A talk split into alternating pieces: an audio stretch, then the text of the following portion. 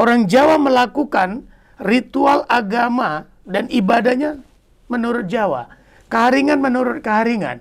India menurut India. Bali menurut Bali. Sunda menurut Sunda. Dan ini adalah semua kekayaan Hindu kan. Mereka kita harus berkolaborasi. Yang penting kita punya satu tokoh tertinggi yang bisa merangkul ini semua, memberikan pengayoman-pengayoman. Tokoh yang disegani. Berarti harus netral. Netral. Tokoh yang tidak lahir sebagai tokoh karena dia kaya. Banyak orang-orang pintar yang tidak kaya tidak bisa jadi tokoh. Hmm. Kemudian harus tokoh ada yang kerja tanpa pamrih. Saya sedikit sharing bahwa 70 tahun orang masyarakat India yang dari Medan di Jakarta nggak punya rumah ibadah. Kita numpang ini dengan kawan-kawan Pasar Baru, Pluit, kadang kita ke Pura. Ya kita numpang 70 tahun.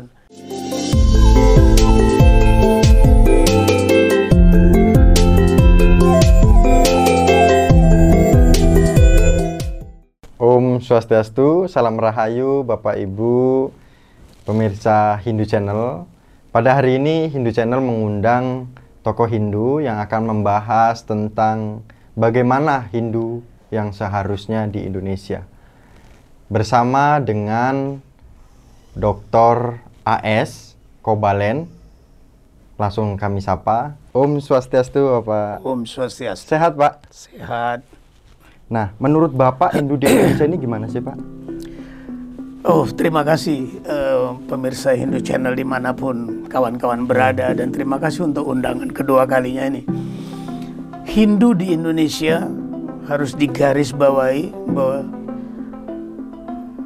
sebuah agama yang notabene datang dari India tapi memiliki popularitas yang luar biasa. Hindu Indonesia ini memberi gambaran apa yang tidak ada di India. Hindu Indonesia ini memberikan contoh apa yang tidak ada di India. Begitu. Jadi Hindu kita ini harus menjadi kebanggaan. Kenapa? Kalau kita lihat di India, sejauh mata memandang, kita melihat semua pengikutnya orang India. Hmm. Kenapa saya bilang harus menjadi kebanggaan kita dan tidak ada di India? Itu di Indonesia ini potensi Hindu itu begitu besar, apalagi agama pertama di Indonesia dulu Hindu. Hmm. Kita gerbang terakhir yang menyelamatkan Hindu menjadi corong Hindu Nusantara adalah Bali. Dan pada saat itu sekarang kita punya Hindu Jawa, kita punya Hindu Kaharingan, kita punya Hindu, Hindu Wiwitan. Wiwitan. Ya, kita punya Hindu dari masyarakat India, kita punya Hindu dari warga Karo, kita mungkin punya Hindu di Sulawesi. Nah ini kan menjadi satu aset yang tidak dimiliki oleh Hindu di mana pun di dunia ini. Berarti bisa disebut bahwa itu sebuah kelebihan Hindu yang ada di Indonesia. Sangat, sangat, sangat. Contoh kedua, kenapa harus bangga menjadi Hindu di Indonesia? Saya orang India, saya keturunan India. Dan Saya sudah udah, lumayan lama di saya dari zaman kakek saya ada di sini. Ya, saya udah, saya keturunan yang kedua, eh, ketiga, anak saya keempat. Berarti kurang lebih kita udah 200 tahun di sini. Hmm. Saya kalau ke India saya orang asing, gitu. Walaupun Walaupun leluhur. saya leluhur saya orang India, India. kakaknya ibu saya mesti di sana. Saya tidak menemukan keunikan-keunikan kebanggaan yang bisa saya pamerkan ketika saya ada di sana. Tapi di Indonesia sebagai Hindu Indonesia yang yang punya begitu tata cara yang rapi, simple. Yang baku itu di Indonesia, Trisandia. Tapi bukannya di India pun ada Trisandia atau seperti apa? Pak? Trisandia ada di India, tapi dia tidak berupa Trisandia. Ini kan Trisandia ini gabungan sloka-sloka dari berbagai berbagai sastra, berbagai kitab. Hmm. Ada dari Weda, ada Iya, dari iya. Rig Weda, gitu. Nah di India itu kan dia mengikuti mazhab yang ada.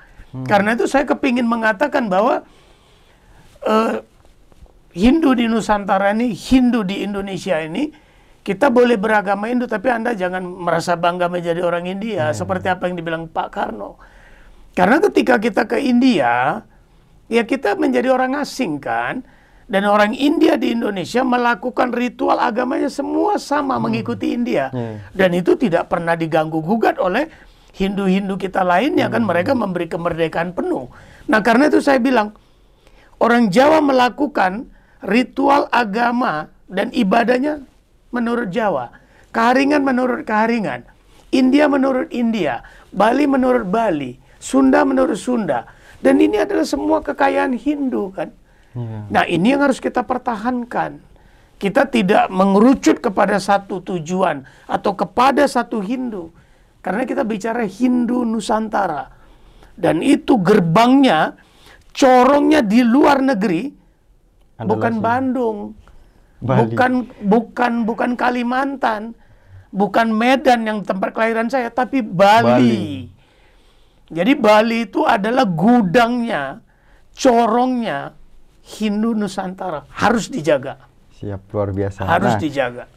dengan penjelasan Bapak barusan itu berkaitan dengan kekayaan Hindu di Indonesia itu luar biasa, terutama yang berkaitan dengan kebudayaan-kebudayaan yang dilakukan keseharian di daerah masing-masing, dari Sunda, dari Kalimantan, dari Bali, dan dari Sulawesi banyak sekali itu, Pak. Namun ada pertanyaan lagi.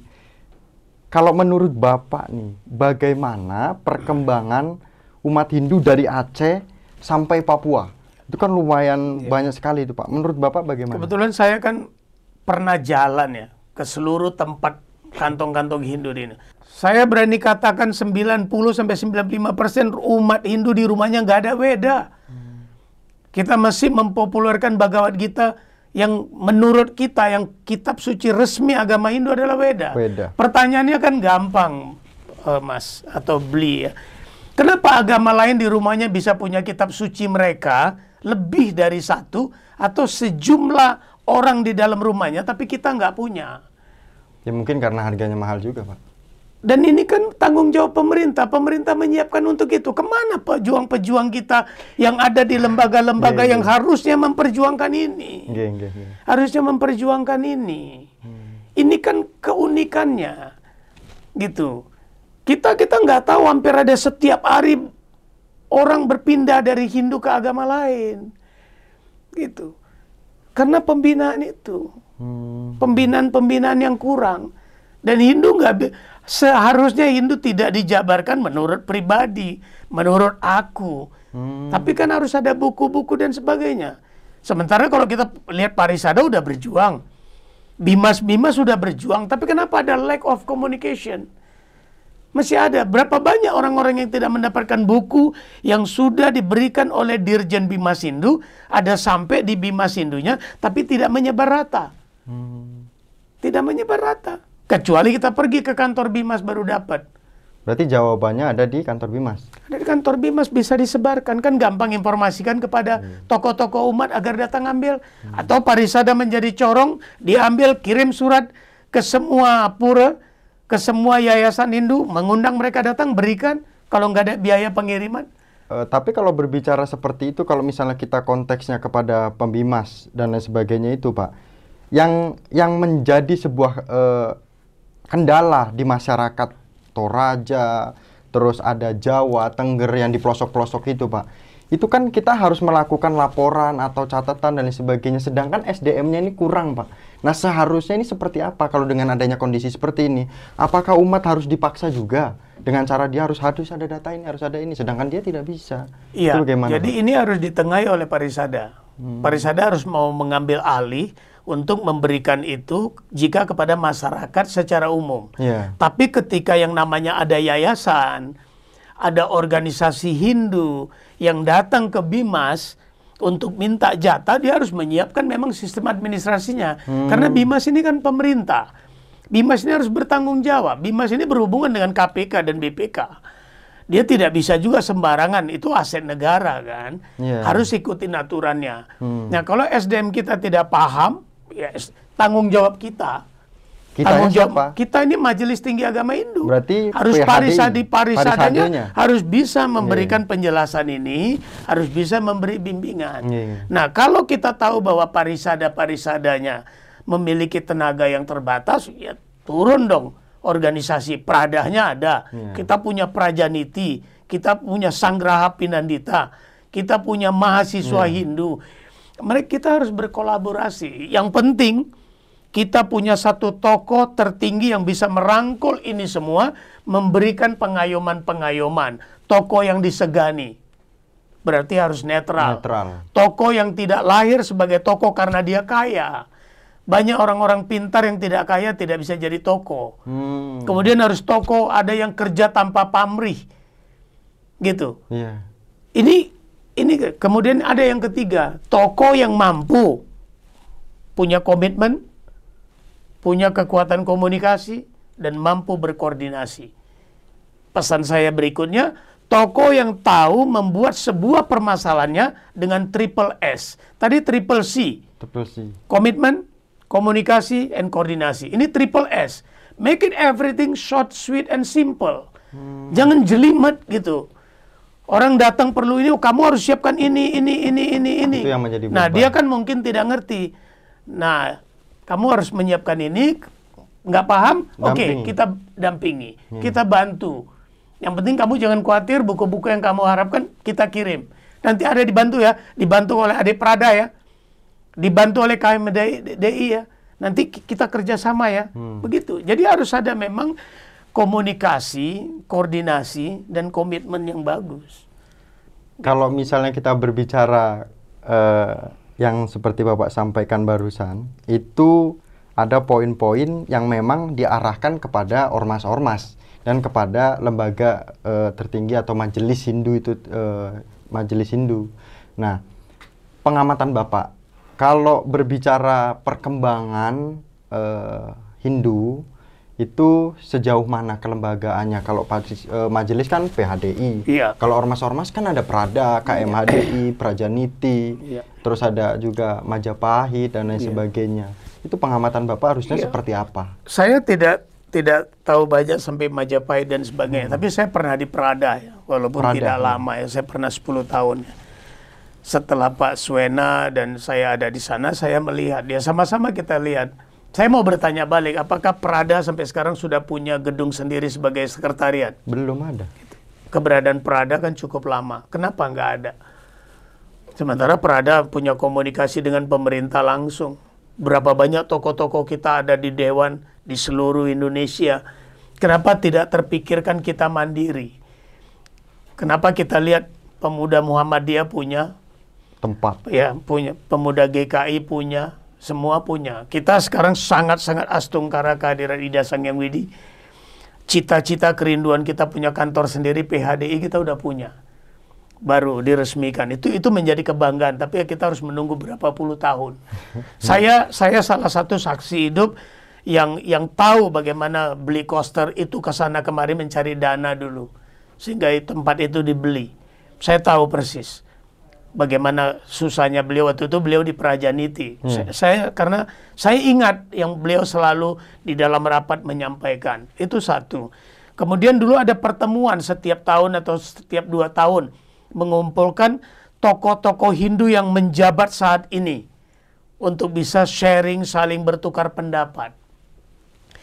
Kemudian kalau tadi kita bicara ormas-ormas ini, kalau saya melihat memang semangatnya menurun.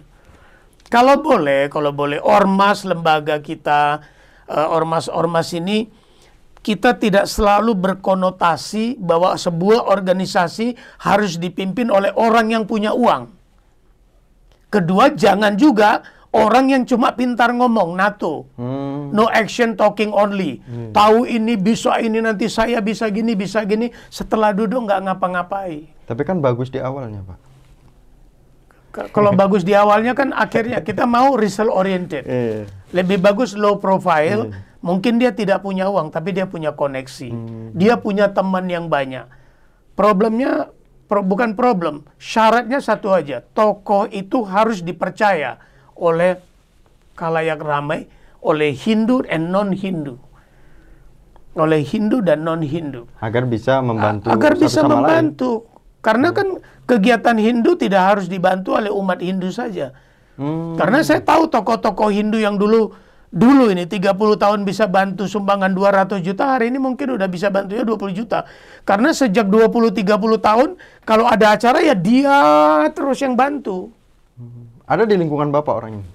Ada di lingkungan saya dan ada juga tokoh-tokoh Bali yang saya kenal. Oh, iya. Yang saya kenal selama 30-40 tahun ini. Hmm. Saya kan bersaudara dengan umat Hindu. Bukan India saja dengan teman-teman Bali ini selama 45 tahun ini.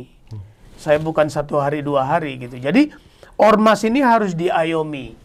Ormas ini harus diayomi kalau boleh satu cita-cita leluhur pe- pe- pencetus-pencetus ide cemerlang tokoh-tokoh Hindu dulu pernah berpikir kita harus punya dana abadi. Itu harus.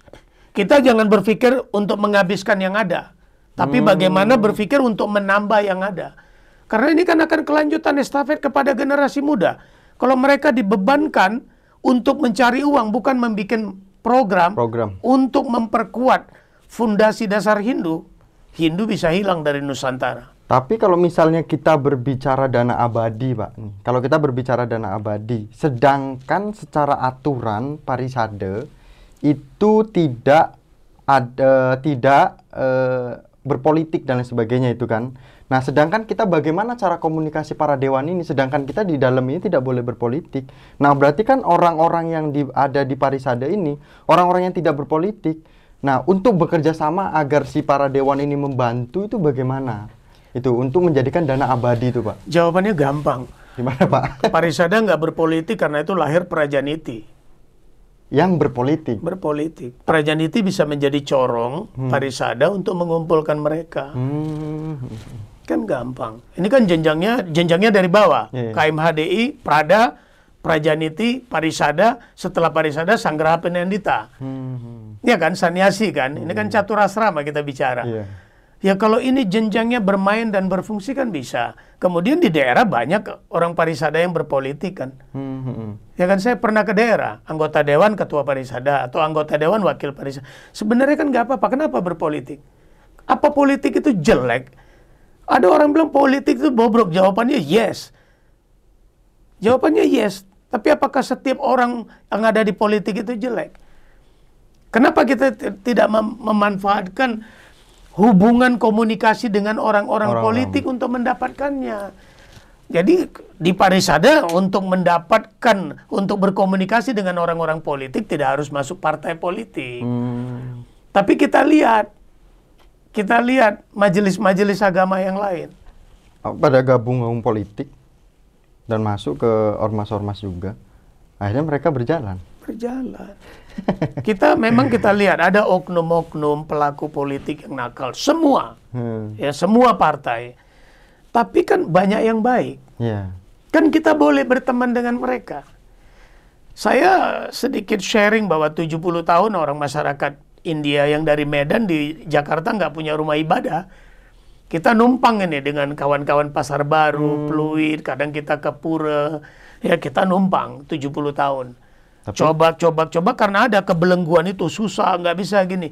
Tapi kemarin kami coba dua tahun yang lalu, 2019 kami coba, 2020 kami dapat sewa tanah. Sekarang kita sedang bangun Bangun satu rumah ibadah yang anggarannya lumayan, gitu ya lumayan gitu. 80% dari anggaran yang hari ini masuk itu bukan dari orang Hindu. hmm. Berarti kan ada komunikasi. Kawan-kawan saya yang bantu, ada yang bantu dari 5 ribu, 50 ribu sampai 2 miliar. Itu kan komunikasi. Ya berarti Itu satu. Bapak salah satu pemimpin yang memang harus men- apa namanya punya uang untuk kita agar umat-umatnya ini Saya bukan punya uang, saya punya Atau yang komunikasi, memang punya komunikasinya koneksi. lancar Punya itu koneksi. seperti apa? Satu, kedua kita eh, terutama kepada Parisada sampai hari ini kita belum menggarap bagaimana mendapatkan uang dari ormas-ormas Hindu yang ada di luar negeri. oh berarti yang Bapak lakukan ini dapat dari luar saya negeri. saya melakukan, Hmm. saya menggalang dana-dana walaupun tidak besar kecil dengan Hindu ASEAN, India, Mauritius, Singapura, Malaysia, Thailand. Saya menggalang, saya, saya punya teman di semua tempat itu. Nah, ini kan bisa menjadi, kita kan bertanya sampai sekarang, kita punya hubungan dengan luar negeri, Wiswa Hindu Parisad dan sebagainya. Kita kan bisa tanya sama mereka, apa yang sudah kau sumbangkan untuk Hindu Nusantara? Jangan mereka datang di sini kita rajakan, kita layani seperti mereka raja dan resi-resi besar, tapi tidak ada sumbangsi mereka kepada kita. Hampir semua agama lain mendapatkan dukungan dari sumber dan pusat agamanya. Lihat agama Buddha bagaimana perkembangannya. Lihat agama Kristen. Lihat agama mayoritas di negeri ini. Kenapa kita tidak melakukan, tidak, tidak mencoba? Mungkin sudah mencoba. Mungkin sudah mencoba, tapi kan boleh terus dicoba. Kita bisa pergi bawa presentasi, bawa program. Kita kan pernah punya program 50 tahun Parisada ke depan bagaimana grand design Parisada. Kan pernah. Bapak udah saya pernah lihat, saya pernah dengar zaman itu saya masih ada Pak, di sana. Tahun-tahun kapan itu, Pak? Itu kurang lebih 10 tahun yang 10 lalu. 10 tahun yang lalu pasti akan berbeda dengan ya, tahun ini. Kan ada grand design, kan bisa dilihat mana yang bisa dilakukan dalam satu tahun, oh. tiga tahun, lima tahun, sepuluh tahun, kan long term. Sehingga nantinya ketika kalian-kalian yang memegang parisada, kalian sudah tidak pusing memikirkan namanya uang. Hmm. Kalian tidak pusing karena karena kalau kita condong bahwa kepemimpinan setiap ormas Hindu harus dipegang oleh orang yang punya uang, berarti ini akan akan akan tersandra satu hari bisa hilang ormas-ormas ini kalau nggak punya uang. Nah, bagaimana yeah, yeah, kita yeah. bisa melahirkan? Pertama harus kesadaran masyarakat, kesadaran pengurusnya harus ada iuran, harus ada iuran. Berarti tidak mengandalkan dari para dewan saja? Iya, gitu. Kenapa umat Hindu di Indonesia tidak berkenang untuk memberikan sepuluh ribu rupiah per bulan atau lima belas ribu rupiah satu bungkus rokok? Berapa jumlah Hindu? Berapa di kalau dikalikan? Iya kan kita nggak usah hmm. bicara 6 juta lah, kita bicara satu juta 1 kali lima belas ribu. Ya kan? Iya. Begitu. Jadi kalau ini bisa dikembangkan, sistem sebenarnya banyak saya lihat senior-senior saya, toko-toko di sana yang jago-jago luar biasa. Banyak hmm, banyak gitu iya. kan pertanyaannya kenapa begini? Apalagi hari ini kita prihatin Parisada ada bikin tandingan.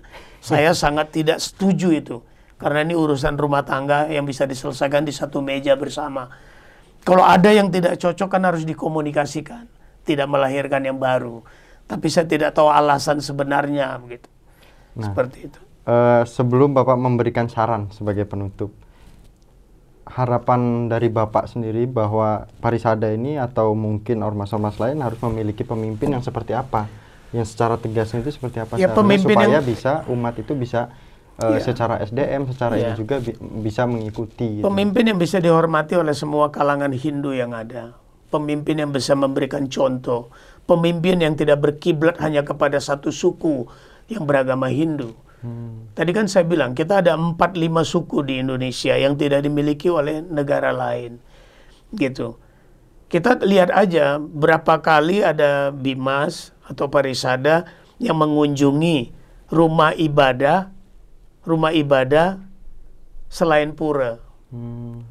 Kan harus merata ini. Itu yang saya bilang tadi pembinaan. Pembinaan. Pembinaan gitu. Ini kan nah tadi jadi pemimpin yang memang menjadi pemimpin untuk semua kalangan suku Hindu yang ada di Indonesia. Gitu. Pemimpin yang bisa diterima, pemimpin yang bisa dipercaya. Kemudian umat juga jangan mengharapkan pemimpinnya macam Superman. Umat juga harus ikut, harus bisa bisa mau me mengikuti program-programnya gitu. Bagaimana kita harus mengayomi menjaga pemangku-pemangku kita pendada-pendada kita. Kemudian pemimpin yang bisa menyatukan kondisi Hindu yang hari ini kelihatan terpecah. Keharingan sudah punya parisada. Waduh. Ya kan? Ada majelis tinggi agama Hindu keharingan. Jangan sampai nanti yang kemarin pecah ini, yang pecah ini semoga segera bersatu. Hindu punya kita, Hindu milik kita, harus dari kita oleh kita untuk kita. Kita kalau terlalu banyak mengharapkan pemimpinnya harus begitu begini begini, tapi umatnya juga tidak mau patuh. Umatnya juga tidak mau kompak, umatnya juga gontok-gontokan. Sulit. Kalau kita berbicara pilarnya agama, berarti kita bicara ahimsa dharma yang harus bisa diselesaikan dengan sahadu di atas meja bersama. Kalau anggap Hindu ini milik kita, harus kita jaga bersama. Terima kasih Bapak Matur Suksma. Dr. AS Kobalen luar biasa penjelasan berkait terkait dengan Hindu di Indonesia itu bagaimana. Seperti yang dijelaskan Pak Kobalen hari ini bahwa berkaitan dengan pemimpin Hindu itu memang benar-benar harus dihormati oleh umat, disegani umat, dan benar-benar harus merangkul. Itu pesan dari e, narasumber kita pada hari ini. Tentu saja Bapak Ibu, umat sedharma, pemirsa Hindu Channel selalu berikan masukan kepada kami agar kami bisa memberikan edukasi, memberikan literasi kepada Bapak Ibu semua dan generasi Hindu kita agar tidak ada uh, sebuah permasalahan yang uh, tidak kita inginkan. Terus dukung Hindu Channel dengan cara like, komen, share, bagikan, dan subscribe. Kami tutup dengan para masanti, Pak. Om Santi Santi Santi Om.